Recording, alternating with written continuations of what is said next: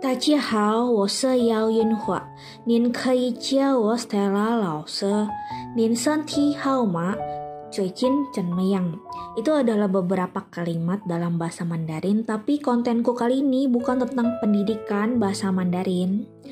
Aku akan membawakan renungan singkat tentang belajar. Ayatnya diambil dari Matius 18 ayat 18. Aku berkata kepadamu, sesungguhnya apa yang kamu ikat di dunia ini akan terikat di sorga, dan apa yang kamu lepaskan di dunia ini akan terlepas di sorga saat mendengarkan. Setiap orang tentunya mau menjadi pintar. Tidak ada orang satupun juga yang bercita-cita jadi manusia bodoh. Lalu ada yang bertanya kepadaku, Kak Stella, bukannya ada ayat yang bodoh dari Allah lebih baik daripada orang yang berhikmat. Itu dilihat dari konteks mananya dulu. Yang mau nanya sabar ya. Nanti akan dibahas satu persatu dalam rubrik nangkis-nangkis. Aku teringat tentang konteks Alkitab itu dilihat dari mana dulu peristiwanya itu bukan secara harafiah ya. Misalnya, apakah ada ayat yang membahas tentang belajar Tuhan Yesus berkata apa kepada kita umat manusia tentang belajar. Ayo coba diingat-ingat lagi dan buka Matius 19 ayat 4. Jawab Yesus, tidakkah kamu baca bahwa titik ya. Itu Matius 19 ingat nggak kamu? Tentang apa bahasnya? Ya betul, apakah boleh bercerai? Ada yang bertanya kepada Tuhan Yesus. Lalu di Lukas 6 ayat 3 Lalu Yesus menjawab mereka titik Tidakkah kamu baca titik gitu ya. Nah, apakah kamu ingat Yesus menjawab tentang apa? Di Lukas 6, ya betul. Tuhan Yesus menjawab tentang hari Sabat. Nah, begitu adalah metode belajar yaitu mikir-mikir. Aku juga mikir-mikir ketika Dulu kan aku sering kali bertanya, dikit-dikit bertanya kepada Tuhan Yesus, Tuhan Yesus jawabnya, mikir, mikir, jawabnya begitu. Jadi kalau misalnya aku sedikit-sedikit nanya, sedikit-sedikit nanya apa gimana, Yesus bukan selalu menjawab. Memang Tuhan Yesus adalah jawaban dari segala perkara, dari segala perkara umat manusia, tetapi tidak melulu menjawab yang harus menjawab sebenarnya adalah kita umat manusia ya. Walaupun kita masih kecil kita belajar sedikit-sedikit tentang belajar. Makna belajar itu sebenarnya juga mengandung makna religius tinggi. Tidak tahukah kamu, adik-adikku sekalian, kalau misalnya kita belajar sedari kecil itu bukan hanya berguna untuk menjadi bekal masa depan kita supaya kerjanya bagus, supaya dapat sukses di masa depan bukan hanya seperti itu, tetapi ilmu yang kita pelajari itu akan terbawa terus di dalam pemikiran kita sampai dengan ke ke ke ke surga ya betul. Jadi misalnya di surga itu ya kita pasti akan belajar selalu hal yang baru-baru lagi. Kalau misalnya di dunia ini aja, ilmu-ilmu bidang yang kita sukai, hobi kamu sehari-hari, bukan hanya pelajaran sekolah itu tidak dikembangkan, nanti bagaimana? Tuhan bisa memberdayakanmu, memberdayakan kita menjadi manusia yang lebih baik lagi. Karena Tuhan Yesus pernah berkata kepadaku juga bahwa kamu belajar sendiri dulu, nanti aku bekerja lewat situ.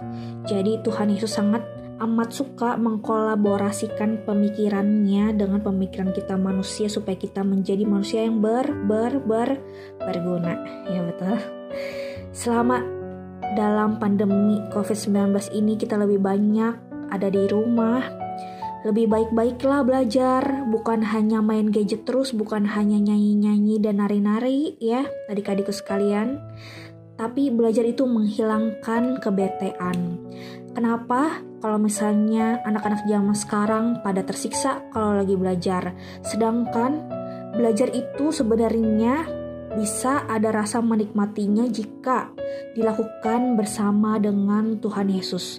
Segala sesuatu yang dilakukan dengan Tuhan Yesus pasti, walaupun susah, tapi bisa. Itu adalah prinsip yang selalu ditekankan Tuhan Yesus kepada aku, walaupun susah, tapi bisa. kalau misalnya kita cinta ilmu pengetahuan, semangat mempunyai semangat juang yang tinggi dalam belajar, kita pasti menyenangkan Tuhan Yesus juga kan, bukan hanya menyenangkan orang tua ya. Optimislah katakan, aku pasti bisa. Harusnya ada lagu anak-anak tuh yang dibikin semangat belajar biar anak jadi semangat, bukan lagu cinta-cintaan terus ya.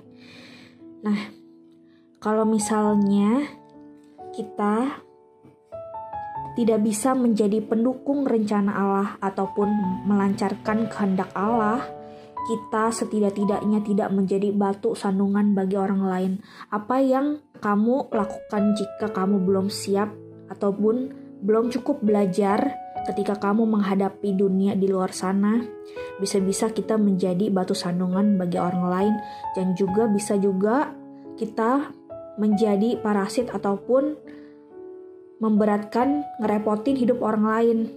Kalau misalnya kita sudah siap-siap belajar, ilmu itu tidak ada yang tidak berguna. Semuanya terpakai, kita bisa menjadi manusia yang mandiri. Dan kita walaupun punya ada sisi terbatasnya, tetapi selalu bisa bertahan hidup kalaupun wah bukannya kalaupun misalnya dengan syarat kita sehat dan juga kita berilmu. Jangan takut kita kekurangan peluang dan pekerjaan. Peluang itu datang di saat kita siap, begitu kata motivator Tom McEvil dalam video motivasinya di Facebook ya. Nah, terus udah gitu. Terakhir, aku akan menitip pesan bahwa Tingkatkan terus semangat belajar. Dengan demikian, kita menjadi prajurit-prajurit Tuhan yang sejati dengan memperlengkapi perlengkapan rohani kita dengan ikat pinggang kebenaran, karena setiap hasil ulangan yang dilakukan secara jujur berkenan di hadapan Allah dan menjadi ungkapan korban syukur kita pada Allah. Kalau misalnya kita kurang bisa memperdayakan otak kita dan belajar dengan sungguh maunya nyontek aja. Nanti udah besarnya kita bisa jadi pemberat orang lain dalam hal ngambil jalan pintas dan berlaku tidak jujur dan sebagainya. Jadi kita pilih menjadi anak yang berguna atau tidak? Berguna. Dengan cara apa? betul dengan cara belajar. Marilah kita menutup dengan doa dalam Bapa dan Putra dan Kudus Amin. Terima kasih Tuhan Yesus atas pembelajaran yang kami dapatkan secara pendidikan di sekolah. Demikianlah renungan dari Kastela tadi. Semoga berkenan di hati adik-adikku sekalian. Kita menutupnya dengan doa. Mari kita satukan hati untuk berdoa dan membuat tanda salib. Dalam Bapa dan Putra dan Kudus. Amin. Terima kasih Tuhan Yesus atas pembelajaran yang kami dapatkan dari mama papa kami, dari guru-guru kami di sekolah dan juga dalam setiap langkah hidup kami. Terima segala hasil usaha belajar kami berupa nilai-nilai yang baik. Kami persembahkan semuanya itu menjadi ungkapan korban syukur kepadamu. Biarlah ilmu yang kami pelajari di otak kami tetap menetap, bukan hanya ingat, tapi menetap terus sampai dengan kami berpulangnya nanti ke surga.